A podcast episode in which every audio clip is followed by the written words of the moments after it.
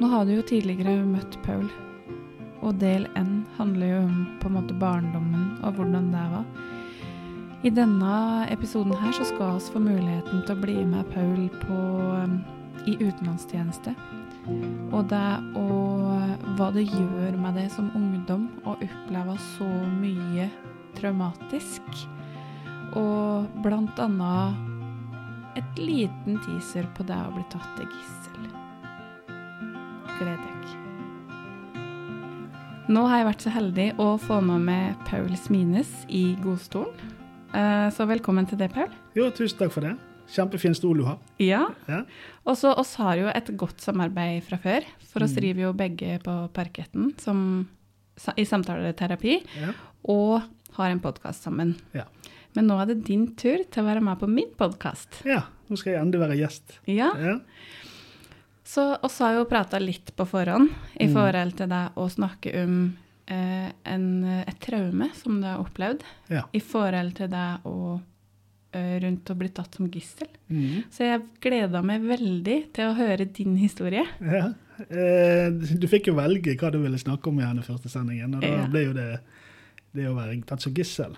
Og det er jo litt sånn eksotisk i Norge, og litt eh, sjelden kanskje. Mm. Så jeg forstår jo interessen. Ja? Jeg har jo reist rundt og holdt foredrag om det i veldig mange år.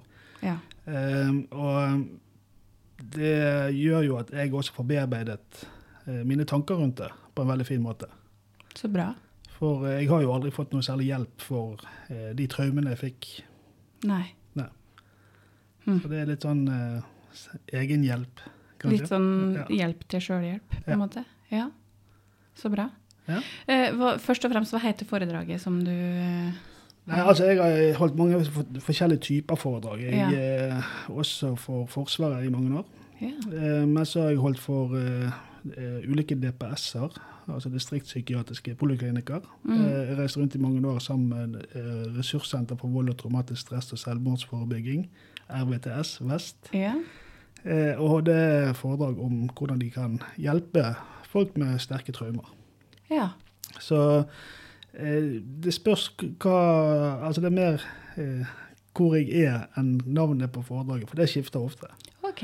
Ja. ja.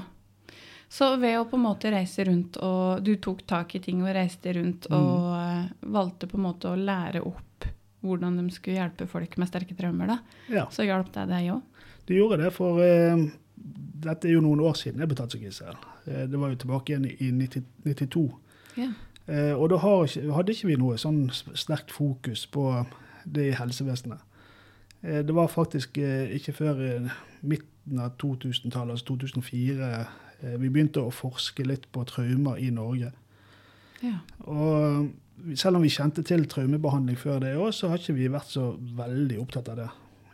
Nå kan jo mange si at vi har blitt for opptatt av det, fordi at vi skal ha traumer inn i all behandling. Mm. Det er enten barndomstraumer, relasjonstraumer eller ja, andre ting vi har opplevd. Så, så nå er det mange som er kritiske på at det blir for mye traumesnakk. Mm. Eh, Men på den tiden så var det veldig lite. Ja. Jeg eh, jobbet jo også på den tiden, altså på rundt 2000, med eh, veteraner som sleit etter de kom hjem. Mm. Og jeg husker en som fikk en, en eh, legeerklæring, altså en rapport etter en ganske kjent norsk psykolog, som sa det at han kunne ikke ha PTSD fordi at han hadde ikke sittet i konsentrasjonsleir.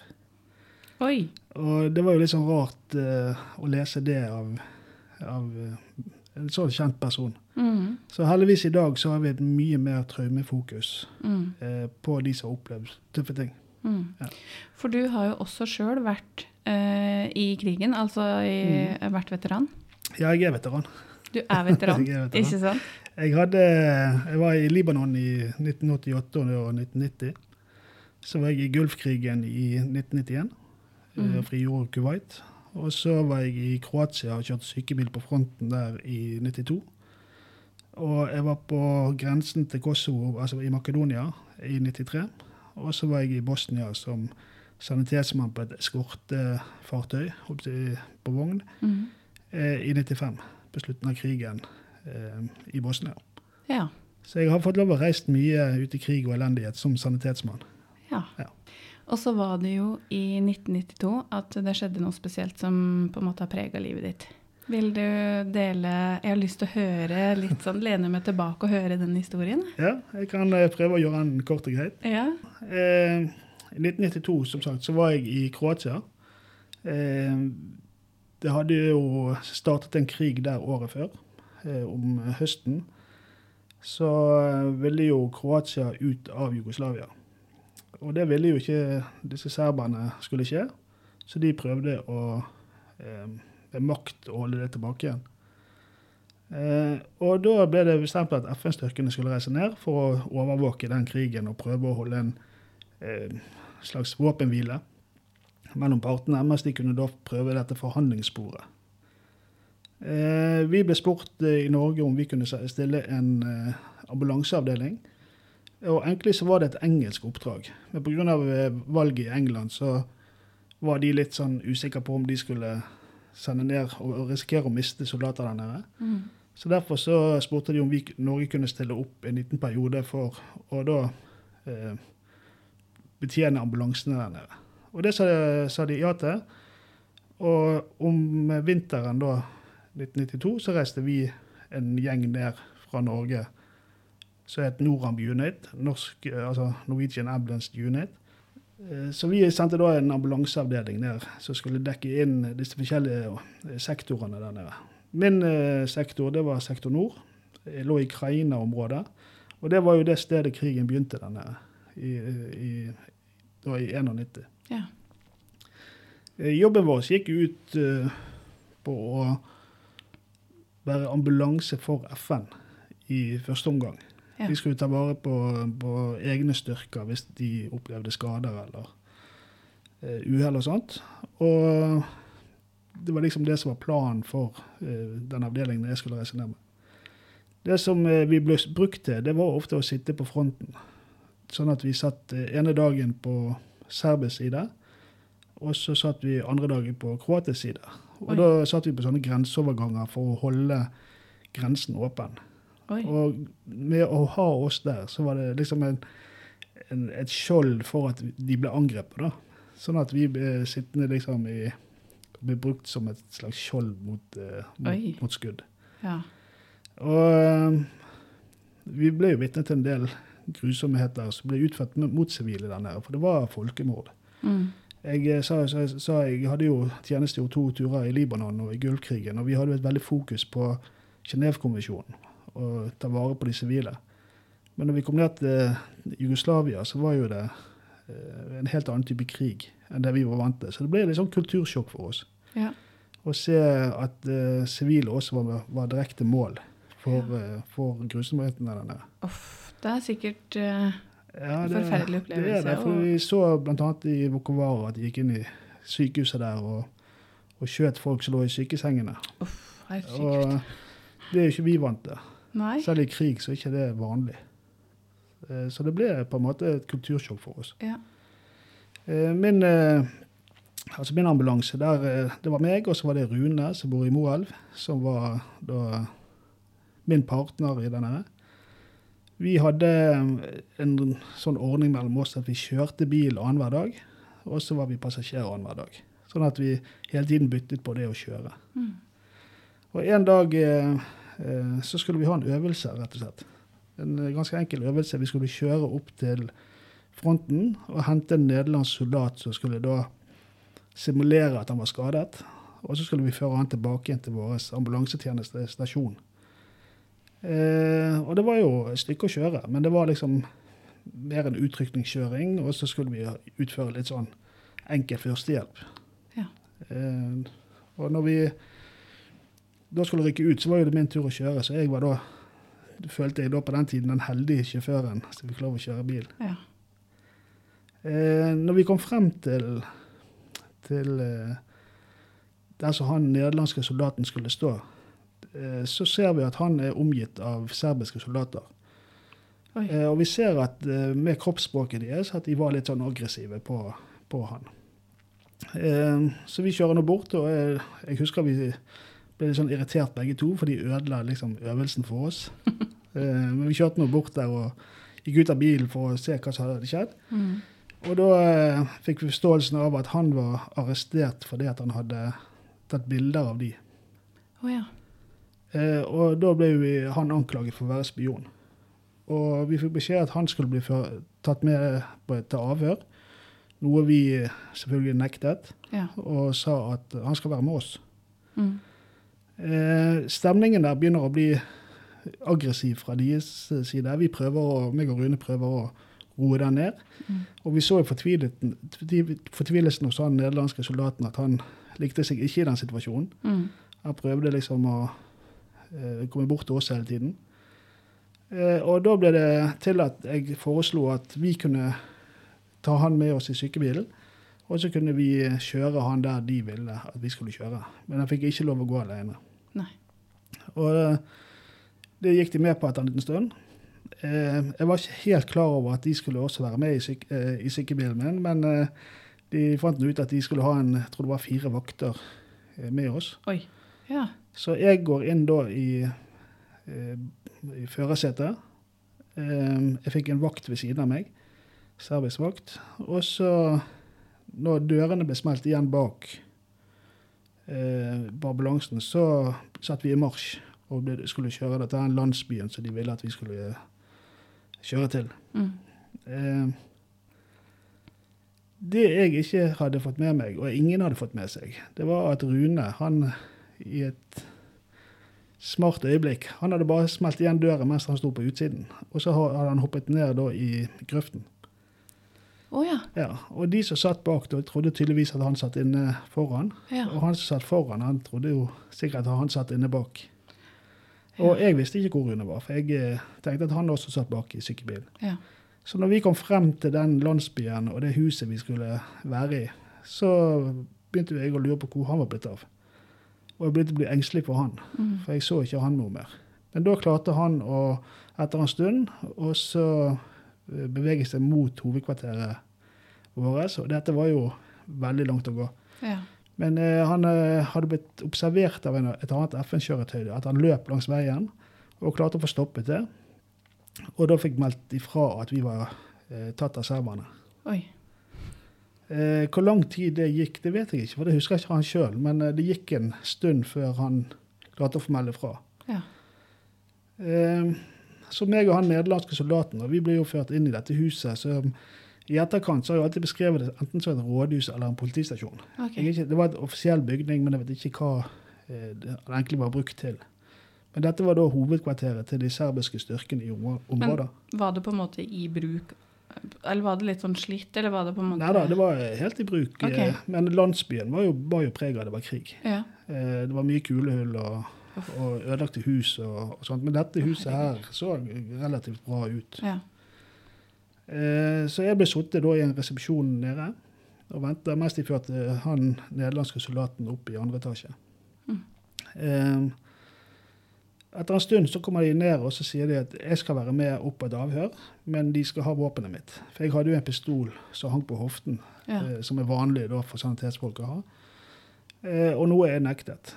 Og jeg sa det at jeg eh, gir ikke fra meg våpenet mitt, det er mitt. Og jeg kan godt være med og svare på noen spørsmål, men jeg, jeg eh, gir ikke fra meg våpenet. ja. Eh, på den tiden så hadde vi også eh, to kort, altså sånn identif identifikasjonskort. Mm. Det var et sånn blåkort som vi kalte det, som viste at vi var eh, ansatt i FN, og at vi hadde fritt leide alle steder. Og så hadde jeg et sanitetskort som viste at jeg var beskyttet av Genévekonvensjonen. Ok. Eh, jeg viste frem begge de kortene, eh, men det var ikke de interessert i. Og det var liksom da første gangen de eh, slo meg ned. Det var når de skulle ta våpenet. Ja. Så jeg fikk et par slag der og datt ned i en sofa. Eh, og da ble jo bare våpenet tatt fra meg. Ja. Da hadde vi liksom ikke så mye motstand i meg. Nei. Eh, og det som var det største sjokket, var liksom ikke den volden eller de slagene. Det var den psykiske sjokket. At jeg var ikke beskyttet allikevel. Nei. For vi har jo hele tiden hatt den følelsen Den at- tryggheten, ja, på den tryggheten at Ja. vi var FN, og vi var gikk med Røde Kors på en ja. Vi Ja. var liksom fritt og kunne gå hvor vi ville. Ja. Så, så det ble, jeg tror nok det, mentalt ble det største sjokket. Ja, ja. Eh, så de dro nå meg opp på denne her, eh, dette kontoret. Og der eh, sitt, Dette var et svært sånn styrekontor. Hvis du ser for deg dette, disse gamle styrekontorene. Mm. Med et svært, langt bord. Ja. Og i ene enden så satt det en politimann. Han gikk i politiuniform. Og en, han var ganske stor. ganske fyldig mann, husker jeg. Ja. Og så satt en dame ved siden av han. Eh, og hun var tolk. Og hun var utrolig aggressiv på måten hun fremsto. Ja. Eh, og vi fikk jo høre hele tiden at, eh, eller jeg fikk høre hele tiden at vi skulle bli henrettet, for vi, eh, vi skulle ha FN ut av, av området vi var i. Oi. Vi hadde ikke noe rett å være der. Vi hadde kommet og tatt oss til rette. Og vi skulle liksom Med å ta livet av oss, så skulle de vise verden at det var de som bestemte. Herregud. Og det, det fortalte de deg? Ja da, det var hun veldig tydelig på. Han sa ikke så mye, han eh, serbiske politimannen, men, men hun var veldig tydelig på det. Men hva, altså Hva for gjennom hodet ditt da? Nei, altså, I begynnelsen så ble jeg veldig usikker. Ja. Eh, Det må jeg innrømme. at Jeg, ble, jeg skjønte ikke helt hva den aggresjonen hun viste oss, eller meg, da, Mm. eh, hvor, hvor den kom fra. Vi var jo der for å kjøre sykebil, for å redde både sivile, som vi gjorde, og, og de militære styrkene. Så vi var jo ikke noe stridende part. Mm -mm. Eh, og jeg prøvde jo å argumentere tilbake igjen. Nettopp det at vi var ikke noe stridende part. Vi var der for å kjøre sykebil og redde, Mm. redde liv. Eh, hun mente da at vi var spioner eh, for FN, og at de hadde bevis på at vi var spioner. Og det som jeg ble usikker på, da, det var jo at siden vi hele tiden var på den ene eller andre siden, så Mm. var jo det noen ganger at det kom sivile til oss og spurte om vi kunne ta med oss brev til familiemedlemmer på andre siden. Og vi skal jo ikke gjøre det, men vi gjorde det. Det Mm. må vi bare innrømme. At vi tok med oss eh, brev og, og sånt til over, over fronten der. Ja. Så eh, jeg, jeg ble veldig usikker på om de hadde oppdaget eller satt oss i en felle Oh, ja. for å liksom ta oss på det. da. At eh, vi hadde nå gjort noe vi ikke skulle gjøre. Mm. Og, og derfor så kunne de bevise at vi var spioner. ja. Ja. Men, men når du da fikk beskjed om at du på en måte at du skulle henrettes, hva, Mm. hva tenkte du da? Eh, to ting. Det ene er at jeg selvfølgelig visste at det eh, kunne de gjøre eh, når de ville. Mm. Og det var noe de drev med der nede. Det, altså de, de, de har ikke noen grunn til å ikke gjøre det. Det de skjøt barn og, og kvinner og dro folk ut i gaten og, skjøt dem. Så det var ikke noe sånn at det var en tom trussel. Um, og det gjør jo at når du lever i et krigsområde og du ser at de gjør det med, med vanlige folk og barn og sånt, Mm. så, så vet du også at terskelen for at de skyter deg, er jo veldig lav. Mm. Uh, så jeg eh, eh, tok den seriøst, den trusselen der, Mm. om at nå skulle vi dø. Det neste som gikk gjennom hodet mitt, var jo at jeg ble forbanna. Ja. Jeg ble skikkelig sint, for det at nett, jeg tror alt det oppsparte jeg hadde sett der nede av urettferdighet og, og krigsforbrytelser og alt, Mm. det, det, det gjorde at jeg ble sint på de. Mm. Og jeg vet jo det i etterkant at når du sitter i en sånn situasjon, så skal du i hvert fall ikke begynne å krangle med de som har, har tatt deg Nei, det er eh, kanskje og har alle våpnene. Men jeg eh, gjorde det, og jeg var fast bestemt på at eh, ja, skal de skyte meg, skal jeg i hvert fall ikke vise at jeg er redd. Nei, ok. Og jeg ble veldig aggressiv tilbake. Jeg hadde mange harde ord tilbake igjen. Og hver gang jeg kavet meg litt opp, så fikk jeg meg et, eh, et nakkedrag, som vi kaller det i Bergen. Jeg fikk et slag, Ja. sånn at jeg eh, skulle roe meg ned igjen. Uff. Og eh, klart, jeg gikk jo litt langt kanskje i perioder. Jeg fortalte hva jeg mente om de serbiske styrkene, og hva, Mm. hvor feige de var. Mm. Så jeg var litt sånn provoserende og var sånn sint tilbake igjen på eh, måten jeg opptrådde på. Mm. Eh, men jeg hadde bestemt meg for at jeg skal ikke vise noe redsel eh, mot de menneskene som jeg oppfattet som feige. Nei. Eh, Kanskje en slags forsvarsmekanisme? nesten. det tror sånn- jeg. Ja. Ja. Jeg hadde jo ikke noe opplæring til å sitte i en sånn situasjon. Eh, og jeg, på et tidspunkt der så sa jeg at nå skal jeg låne toalettet. Mm. Jeg visste det var et toalett ute i gangen, så nå skal jeg ut der. Så jeg fikk lov å gå på toalettet. Eh, Ikke for at jeg måtte på toalettet, men rett og slett for å få en pause. Ja. Eh, Jeg var gått litt tom for adrenalin, så jeg begynte å bli litt redd. eh, Og kjente på at dette er en situasjon jeg klarer ikke å komme meg ut av. Mm. Så jeg gikk ut på toalettet, og så så jeg, jeg husker at jeg så ut gjennom et lite vindu og så utover. Og lu- vurderte klarer jeg å stikke av. Klarer jeg å prøve å stikke av, og så får de Mm. heller skyte meg eh, mens jeg løper. Men så hadde jo jeg hele tiden den følelsen av hvor er Rune? Ja. Han vet jeg ikke hvor. Jeg har ikke kontroll på han. Og jeg hadde mer redsel for han enn jeg hadde for han nederlandske soldaten. Mm. Men det var nå tross alt partneren min, sant? Ja, en jeg kjente godt og hadde opplevd mye rart med. Mm. Eh, Vi hadde jo vært ute sammen tidligere òg, så, så jeg ville jo forvisse meg om at han i hvert fall var trygg før jeg stakk av. For hvis ikke, så kunne jo han få det verre. Ja. Eh, Så derfor så, så var jeg eh, inne på tanken en liten stund og vurderte om jeg skulle klare å komme meg vekk, men jeg fant ut at det, det kan jeg ikke gjøre hvis han også sitter et sted i bygningen. Så da ble jeg jo tatt tilbake igjen, og det fortsatte liksom hele dagen, denne ja, holdningen Mm. mot oss og hvorfor vi skulle skyte. Så jeg, på det tidspunktet så fikk jeg et inntrykk av at de egentlig ikke torde helt å skyte oss, men at de ventet på eh, klarering høyere oppe. Ja. For jeg forsto det sånn på situasjonen at de, de var, hadde ikke helt sånn tro på at de hadde lov å gjøre det eh, på egen hånd. Ja. Og det eh, var jo kanskje det som også reddet oss. At eh, de brukte så lang tid på, på dette, istedenfor bare å ta oss med bak bygget og så skyte oss. Mm. Eh, ut på ettermiddagen så hørte jeg plutselig det var noe, noe bråk ute i gangen. Og døren går opp, og det kommer inn en mann. Og idet den døren går opp, så ser jeg at eh, jeg ser noen FN-huer, altså blåfargete bereter. Og da skjønte jeg at jeff, nå er iallfall FN kommet. Så da, da er vi iallfall tryggere. Mm. Og da eh, viser det seg at når Rune kom tilbake igjen til vår leir og fikk meldt at nå, eh, var, det, nå var vi tatt, så var det en eh, dansk politimann som jobbet for FN. Han kom plutselig på at han hadde sett ambulanse, en ambulanse et sted ikke vi skulle egentlig være. Så da Mm. klarte de å rote det sammen, én pluss én, som ble to, at vi var i den landsbyen. Ja. Og de klarte da å komme og forhandle oss ut derfra. Ja.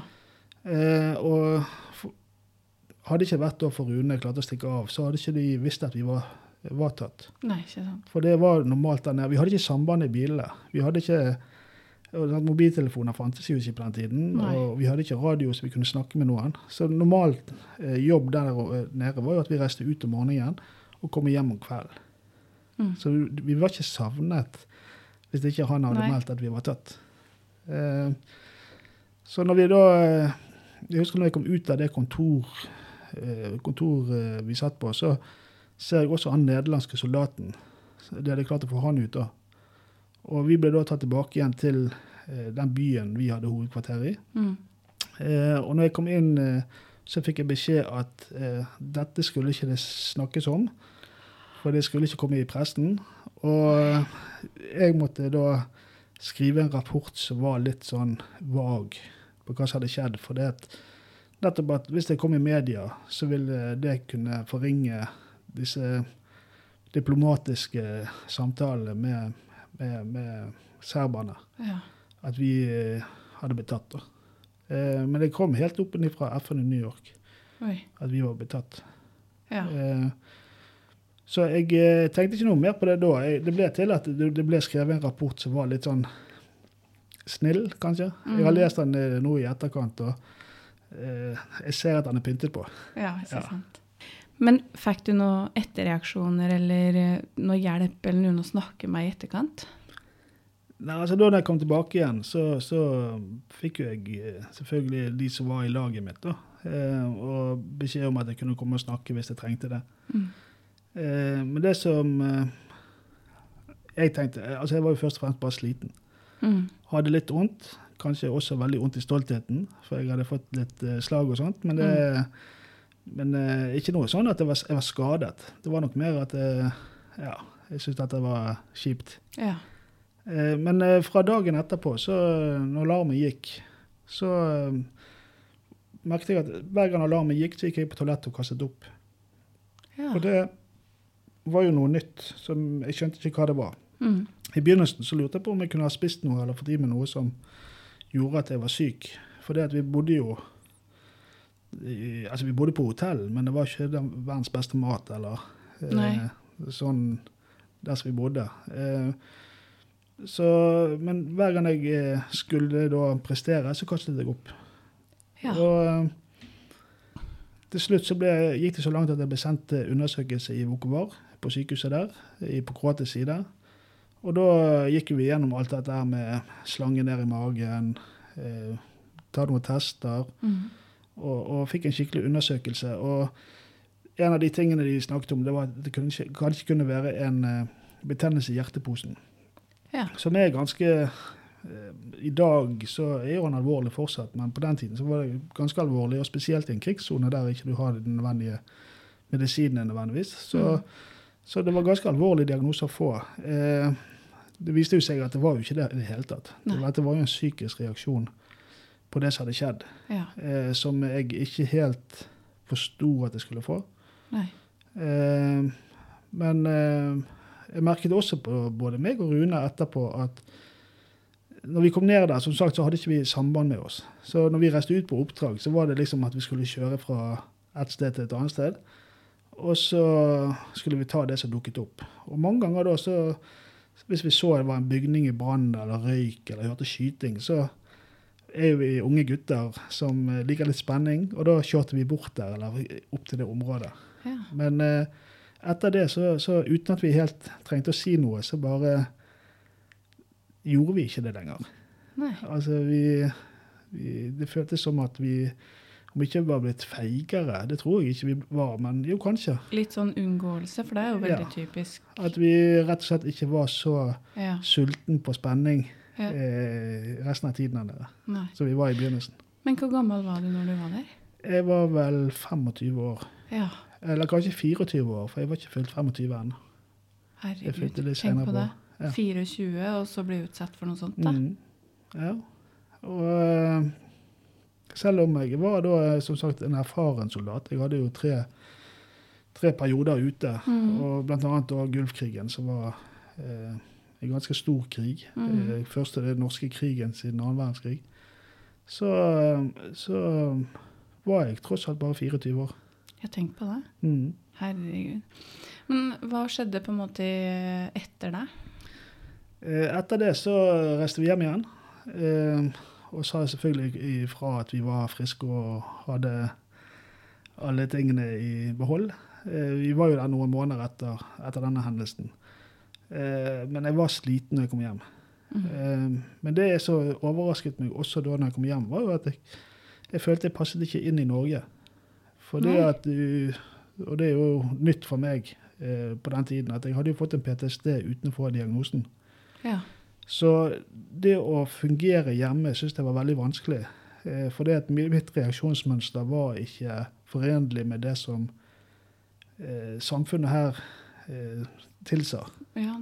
At jeg var skvetten, jeg var usikker, jeg beskyttet meg hele tiden, satt med ryggen til veggen.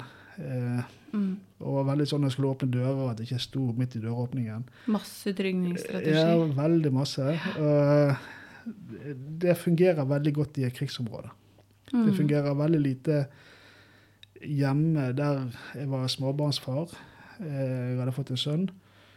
Eh, Du skal leve med en forlovede. Du skal ja, inn i en vanlig eh, familiesituasjon. Mm.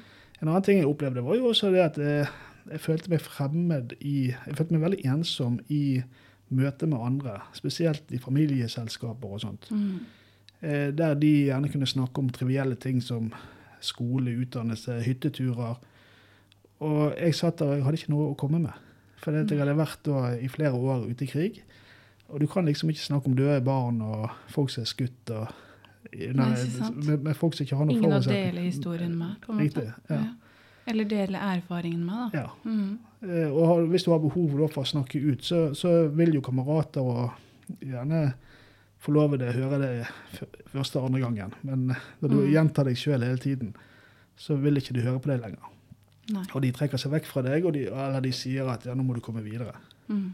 Så det som var mitt eh, svar på det, var jo å reise ut igjen. Så du reiste ut igjen, Ja. du? Jeg reiste ut igjen i 93 til Makedonia Ja. og tjenestegjorde der på eh, Og det var også en litt sånn rar tjeneste. Vi var da på grensen til Kosovo og skulle passe på at det ikke ble krig. Ja. At ikke serberne kom. Eh, så vi opplevde ikke krig der på åtte måneder. Så det var en veldig rolig tjeneste. ja. Eh, men igjen, når jeg kom hjem derfra igjen, så var det på samme måten. Eh, jeg fikk min andre sønn når jeg kom hjem igjen, Mhm. og følte fortsatt ikke at jeg hørte til eh, noen steder, og klarte helt å sitte meg inn i det livet her hjemme. Så jeg da valgte å reise ut igjen en gang til. og da reiste jeg til Bosnia og var sanitetsmann på en eh, sisu, eskorte-sisu. Ja. Der eh, vi hadde vakt- og skortetjeneste. da. Vi eskorterte matforsyninger og, og sånt rundt i, i Bosnia. Mm. Og var litt sånn vakter på installasjoner og sånt. Og det var jo en ganske tøff tid igjen. Dette var jo på slutten av krigen i Bosnia, før Ja. denne Dayton-avtalen gikk inn. Mm. Og det var mye krig. I Sarajevo spesielt var det veldig mye. Mhm. Eh, og var der igjen i åtte måneder. Og da jeg kom hjem da, jeg husker jeg kom hjem 20. desember 95, Mhm. veldig syk. Ja. Eh, da var jeg eh, sliten, Jeg hadde mye PTSD. Og så lander jeg i Norge midt i julestria. Å, herregud. Ja, det sa jeg òg. Ja, det, var, det var ikke noe god opplevelse i det hele tatt. Nei, det det å stå i en butikk og høre unger som griner for Ja. de får ikke leker og sånt. Og det, egentlig det, det du hadde lyst til, var bare å løfte dem opp og skrike til dem. Ja, men tenk, altså Du slipper å bli skutt i vannkøer, og mm. eh, du har det godt, og du har foreldrene dine, og alt disse her eh, Mhm. eh, tingene. Så jeg gikk jo helt i, inn i meg sjøl, Ja. tror jeg. Jeg fungerte veldig dårlig i den perioden. Ja. Eh, Varte det lenge, eller? Ja, det spørs hvem du spør, tror jeg. altså, jeg måtte jo ut igjen i arbeidslivet, og jeg drev jo da med undervisning for eh, altså brann og eh, førstehjelp og, og sjøredning og sånt mm. i noen år. Eh, og fungerte jo godt på det, for da brukte jo jeg min erfaring. Ja. Eh, men jeg savnet action og savnet å fungere igjen, så jeg søkte meg tilbake igjen da, i ambulansetjenesten og ble stasjonssjef for en ambulansetjeneste med 13 ansatte. ja. Og det eh, var mye arbeid. Jeg druknet meg sjøl i arbeid, og det gjør jo ofte menn. Mm. Eh, jeg eh, slet mye med depresjoner. Mm. Eh, fikk ikke samboerforholdet til å gå. Da hadde jeg også fått mitt tredje barn. Ja. Hun ble født rett etter jeg kom hjem fra Bosnia. Og da ble jeg en dårlig både samboer og far, tror jeg. Eh, men jeg jobbet mye. Men det var Eh. jo sikkert din måte å håndtere det på. Fikk du noe Altså, altså jeg har vært inne på dette i forhold til om du fikk hjelp når Ja. du ble tatt til gissel, men uh, søkte du noe hjelp når du kom Nei, Altså, Jeg visste vel ikke sjøl at jeg hadde det. Nei. Og det er jo litt sånn rart. altså Selvinnsikt det er noe jeg kanskje ikke har hatt så mye av opp gjennom årene. Mm. Jeg underviste i noe som uh, het hvordan du overlever en katastrofe. Mhm. Eh, Og mentale reaksjoner etter hendelser. Og da hadde jeg to timer hver torsdag på, for førstehjelpere i Nordsjøen. Ja. Eh, og hver gang de gikk til lunsj, for disse, dette var de to siste timene før lunsj, hver gang de gikk til lunsj, så gikk jeg på lageret og begynte å grine. ja. Så jeg burde jo ha forstått da at Du tok ikke signalene på en måte kroppen? Nei, altså jeg, For meg så ble jo, ble jo det en bekreftelse på at jeg ikke fikk det til å fungere her i Norge. Ja. ja. Men jeg ville ikke forstå at det var i krigsområder jeg fungerte. Altså Det var der som skaden kom fra. Mm. Og det er nok fordi at PTSD er veldig bra å ha i krigsområder. ja. For det er jo alle disse triggerne og alle disse her Ja, da overlevelsesmekanismene. trengte jo Ja, alle slags trygningsstrategier Mm. for å overleve. ja. Mm. Men det fungerer veldig dårlig i hjemmesituasjoner. Ja. Mm.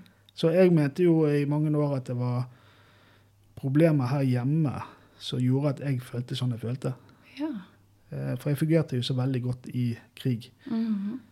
Eh, Og det var nok eh, Det gikk så faktisk så langt at som jeg pleier å si, at en av mine viktigste jobber som stasjonssjef for en ambulansetjeneste var å ta vare på den mentale helsen til mine ansatte. Mhm. Eh, og snakke, snakke med de etter tøffe oppdrag.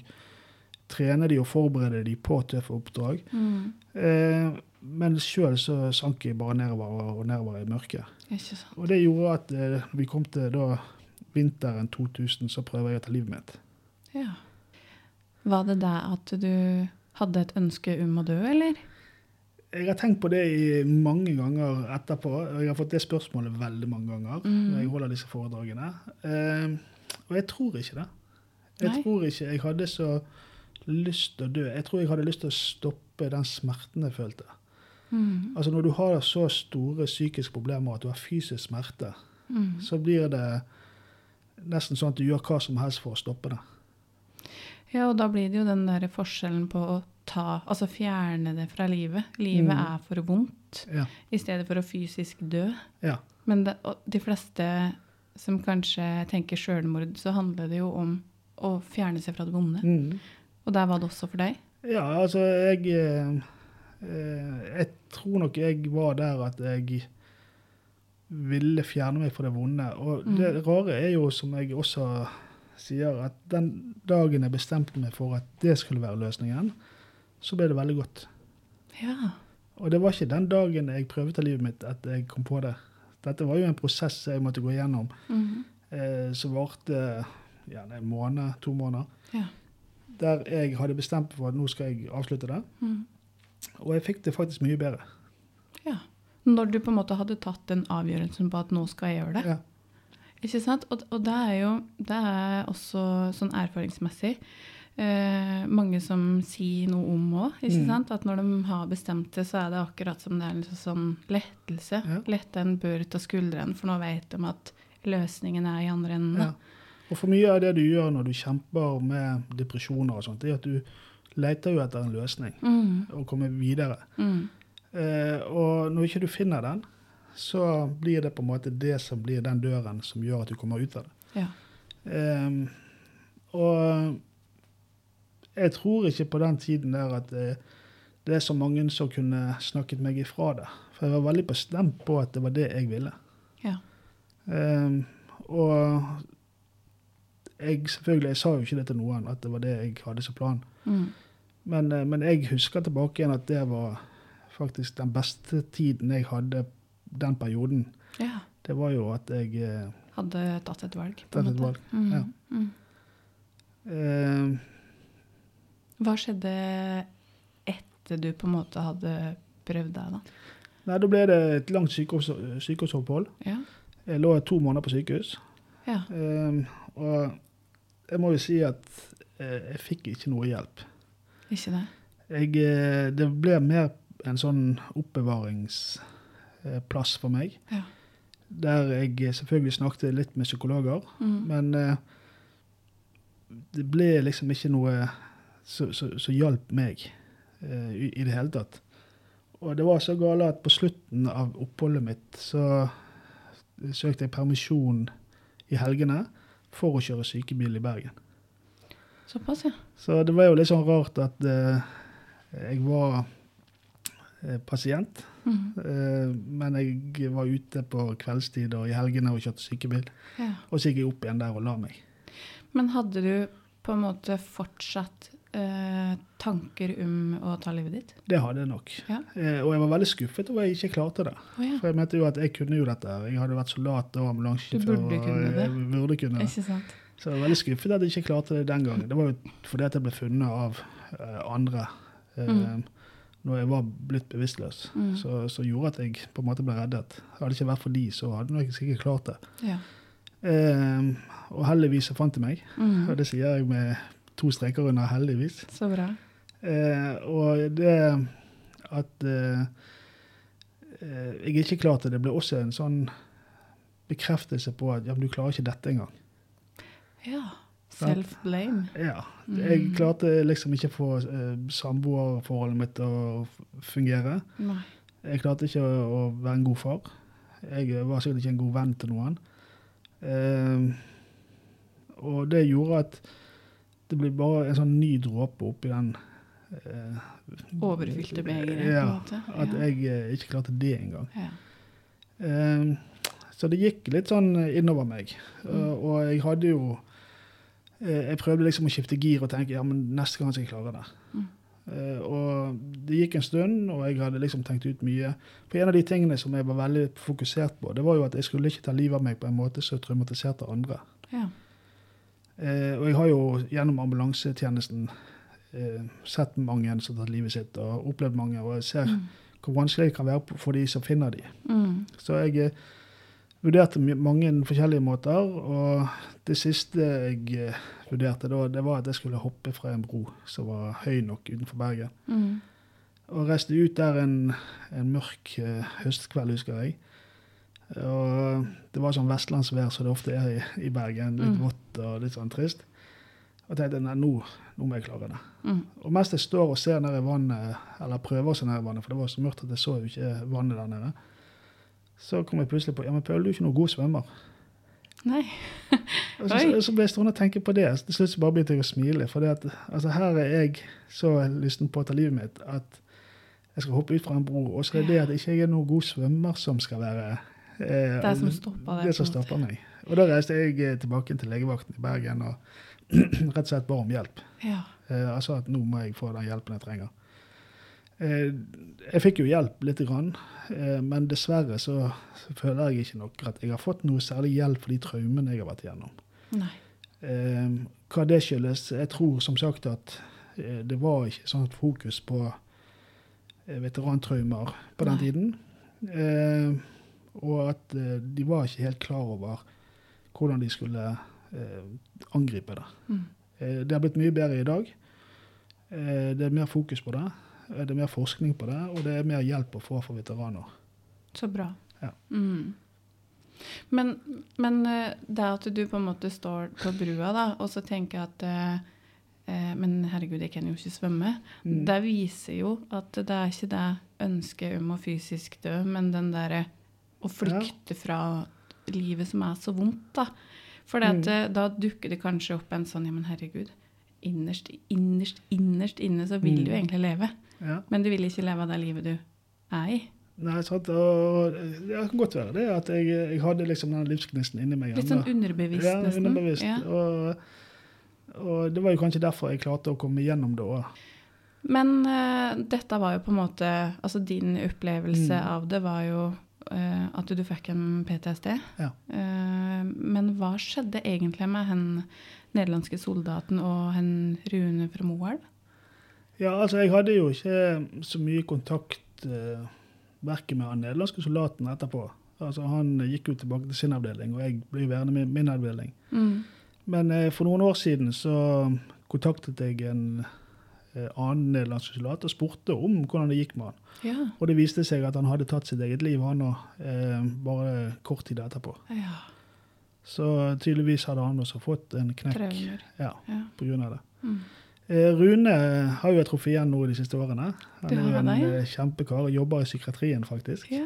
Så, om det er for å hjelpe seg sjøl eller Det ja. vet jeg ikke, men eh, han virker nå at han har klart seg godt. Så bra. Ja, så, Mm. Og jeg sier jo til, til både han og alle at det jo, hadde ikke vært for han, så hadde det ikke vært i live i dag, tror jeg. Nei, ikke sant. Eh, Hadde ikke vi blitt eh, hjulpet ut derifra, så er jeg 100% sikker på at ikke vi hadde overlevd. eh, Det var jo et veldig smart valg eh, ta hen og på en måte lure dem på den måten. da. Eh, og komme seg unna. Og Men også en risiko, sikkert. ja, det tror jeg nok. Hadde han blitt oppdaget, så hadde det nok sikkert gått hardt utover han. Mm. Eh, så um, han fortjener all den ros og heder han kan få for Mm. det han gjorde der. Det er ikke så mange andre jeg kjenner som hadde tørt å gjøre det, Nei, ikke sant. og tenkt på å gjøre det. Ja. Ja. Mm. Nå, altså, dette er jo litt av en historie, og dette har jeg jo Mm. på en måte Jeg har venta litt på å få høre din historie, Ja. for jeg har jo kjent deg en god stund nå, og så har jeg Mm. jobba mye sammen. Men jeg har aldri hørt historien din sånn face to face som vi har nå, Mm. da. Um, og tusen takk for at du hadde lyst til å dele. Det ble jo kortversjonen. Ja, ikke sant? Mm. Og så tenker jeg skal spørre deg om du har lyst til å komme tilbake, for jeg vet jo at uh, dette er ikke på en måte det eneste du har opplevd. Uh, og at det er en fortsettelse på denne historien. Mm. Eh, så jeg lurer på om du vil komme tilbake, så skal en ha en, eh, på en en del to på denne historien. Det kan vi ha. Ja, så bra. Da kan vi gjerne snakke litt om hva jeg måtte gjøre for å komme meg ut av Ja. For der tenker jeg også tankene. mange kan sitte og lure på. Mm. Hva, hva gjorde du da for å komme deg ut av det? Når du også på en måte ikke følte at du fikk så mye hjelp som du egentlig trengte. Ja, men det kan vi gjøre. Så bra.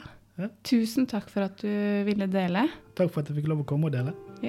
Så prates vi igjen.